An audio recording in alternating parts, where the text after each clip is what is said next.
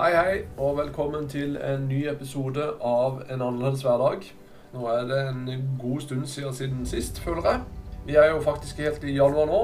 Vi har hatt jula, vi har hatt en, eh, et nytt år som vi har feira. Håper du har hatt en fin feiring, en fin jul.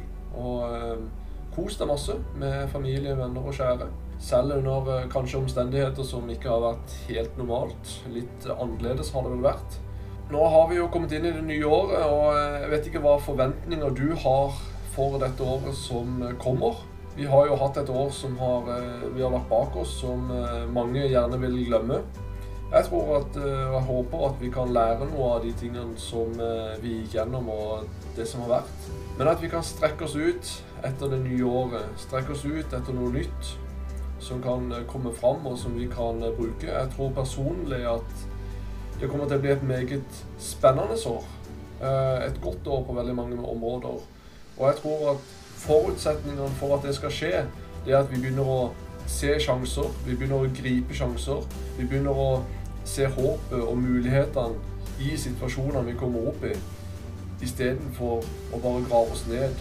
Istedenfor å sette lys under en bøtte, som står om i Bibelen, så skal vi være et lys som skinner opp i hverdagen. Og jeg tror at hvis vi er der, og hvis vi bruker muligheter, hvis vi tør å gå ut forbi vår egen komfortsone, hvis vi tør å være annerledes dette året, så tror jeg at vi kan oppleve nye ting som vi aldri kunne forvente at vi har opplevd. Jeg tror at det kommer til å bli et fantastisk bra år, et stort år, et godt år. Og jeg har lyst til å dra inn et par ting i bibelsk knytning inn mot det nye året. Når jeg var litt i bønn her, så, så var det noen eh, ord og noen vers som eh, jeg fikk eh, lagt ned. Det ene er Josua 1,9. Eh, vær sterk. At vi må være sterke. Vi må ikke frykte for noen ting. Det andre er i Matteus er det vel at der det står at frykt ikke mennesker, men frykt Gud, som er mektig og stor til å ikke bare drepe, men også kaste, himmel, eh, kaste mennesker i helvete. Og det har vi. Vi har mange mennesker som frykter mennesker fremfor å frykte Gud. Vi har sett i et år, i 2020, at vi har frykta virus fremfor noe annet. Og det er noe vi ikke ser. Hvor mye mer burde vi ikke frykte Gud over alle ting som er mektig til å kunne gjøre alle ting, som har skapt alle ting? Så frykt ikke mennesker, men frykt Gud. I tillegg så eh, tror jeg at eh, litt på Jeg leste litt i Jesajas 54, og der står det Ved rettferd skal du være grunnlagt, langt borte fra undertrykkelse.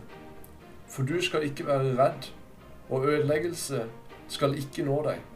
Se, om noen angriper, kommer det ikke fra meg. Den som angriper deg, skal falle for din hånd. Og jeg tenker bare Gud og hans løfter kan ikke svikte. Jeg tror at hvis vi i år som kommer, holder oss fast til hans løfter, og holder oss nær til han, får en bedre relasjon med Gud, og slutter å se på alle de tingene som skjer rundt oss, men fokuserer og, søker den sannhet som er virkelig verdt å leve for og leve etter, så tror jeg at dette året her kommer til å bli et nytt, spennende år. Et år som har vært helt rått som du kommer til å se tilbake på, som du ikke kommer til å angre på hvis du tør å ta sjanser. Det er mitt nyttårsforsett. Det er å tørre å ta sjanser i dette året som kommer. I en mye større grad enn det jeg har gjort de siste to årene. Jeg vil også videre så vil jeg ta med tre forskjellige vers. Eh, det ene finner jeg i eh, Jesajas 43. Eh, Se, jeg gjør noe nytt. Nå spirer det fram. Merker dere det ikke? Ja, jeg legger veien i ødemarken elver i ødemarken. Og det er noe som jeg føler at det har spira fram noe nytt i 2020. Men videre så leser vi Jesajas 42. De første ting, se, de er kommet. Nå forteller jeg noe nytt før det spirer fram. Får dere høre om det?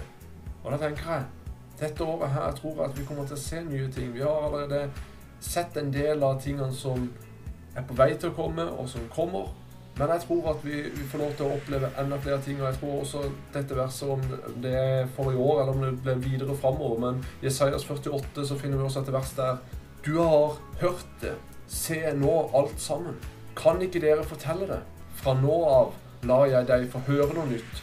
Skjulte ting som du ikke vet om. Jeg tror at vi kommer til å, å bare se disse nye tingene her som spirer fram. Vi har allerede sagt, sett hvordan veldig mange ting blir lagt til rette rundt oss. Og jeg tror også at for oss som vandrer med Kristus, og som har vært med Han, så har vi kanskje hatt et tungt år. Vi har kanskje hatt vanskeligheter. Jeg sier ikke at disse tingene forsvinner. Jeg tror heller at det motsatte kommer til å skje. Vi er ikke garantert vår framtid på noen ting. Men jeg tror vi, vi, skal ikke frykte, vi skal ikke bekymre oss. Men vi må stole på Han. Og jeg tror at Han vil vise oss nye ting og store ting som kommer til å skje, som Han er på vei til å gjøre. For Han har lagt ned noe i ditt hjerte som Han vil skal komme fram. Og tør du i år å satse på det? Tør du i år å la det spire fram? Det er mitt spørsmål. Jeg bare ber om at det skal skje i dette året. At det skal spire fram noe nytt i ditt liv.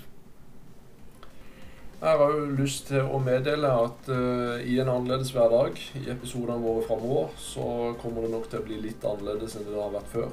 Uh, jeg ser at uh, det kommer kanskje til å bli litt mer rett på sak. Jeg kommer ikke til å legge så mye imellom. jeg føler at tiden ikke er for å bruke mye tid lenger. Men jeg har troa for at det som Gud er med på, det, når Gud er med, så tror jeg at det blir bra.